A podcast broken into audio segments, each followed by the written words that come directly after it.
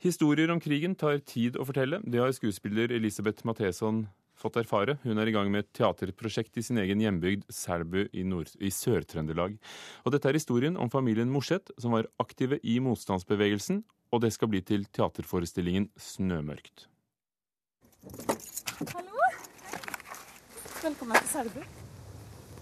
Første gangen jeg tok i det, var når jeg gikk på teaterskolen. Vi skulle lage en forestilling sjøl om det, noe som vi var opptatt av. Eh, og så har det ligget der etter det som eh, som noe som har vært et budskap, har jeg kjent, som har vært i det som har vært viktig for meg. Men det skulle ta 20 år før både hun og Selbu var klar. I fjor sommer flytta Elisabeth Matheson tilbake til hjembygda. Like etter var Norge på et vis tilbake i en tilstand som vi ikke hadde vært i siden krigen. Nå er det snart et år siden 22. juli. Det gjorde noe med oss alle sammen, tror jeg. Og da var jeg på Olavsfestdagen i Trondheim rett etterpå. Satt i Vår Frue kirke som var stappfull av sørgende folk. Og da kjente jeg at nå skal jeg gjøre det.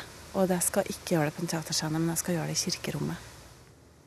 Familien Morseth var sterkt engasjert i motstandsarbeidet under krigen, og de ble hardt ramma. Faren Peder og flere av de sju sønnene var motstandsmenn.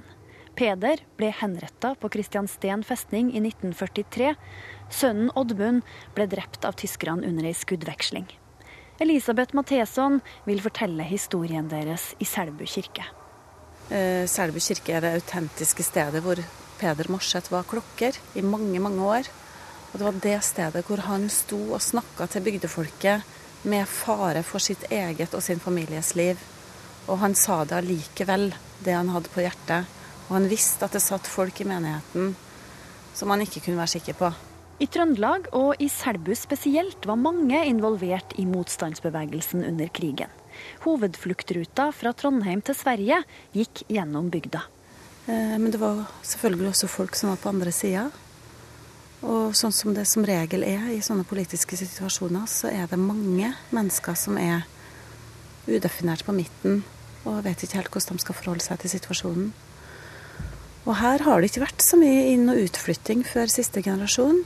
Sånn at det her er snakk om to-tre generasjoner som har fortsatt å levd ved sida av hverandre etter det her som skjedde under krigen, og som ikke har snakka om det. Hvordan har de her problemene kommet til uttrykk mellom folk? Det kommer ikke til uttrykk. Det er det som er, at det ligger under. Man kan oppleve det med små kommentarer eller holdninger som man lurer på hvor kommer det ifra. Det kjennes uvirkelig når man sitter på en benk i sommerlige Selbu. Men Elisabeth Matheson mener at dypt nede i folkesjela her ligger et ubearbeida krigstraume. Tilsvarende dem vi i nyere tid har hørt om i land langt unna. Både i Rwanda f.eks. og på Balkan så er det jo gjort et stort arbeid, et stort fredsarbeid som går nettopp på det å, å sette ord på de traumene man har vært igjennom, da, for å kunne erkjenne for å kunne ta på seg ansvar, for å kunne be om tilgivelse og gi tilgivelse. Men så lenge det ikke fins ord, så fins det heller ingen ansvarstagen. Da er det heller ikke mulig å tilgi hverandre. Og det der har ikke skjedd. For trøndere, de fleste iallfall, er et folkeslag av få ord. Elisabeth Matheson er et av unntakene, og nå, 70 år etter, vil hun løfte traume fram, så det kan bearbeides prøve å kombinere en eh, actionhistorie med uh, gudstjeneste. Altså, vi gjør det jo i kirkerommet. Samfunnshuset strekker ikke til, og kafeene strekker ikke til når det blir snakk om så store spørsmål. Da må vi inn i et større rom. Sa skuespiller Elisabeth Matheson i Selbu til reporter Randi Lillealteren, og det blir eh, premiere på Snømørkt i Selbu kirke i februar neste år.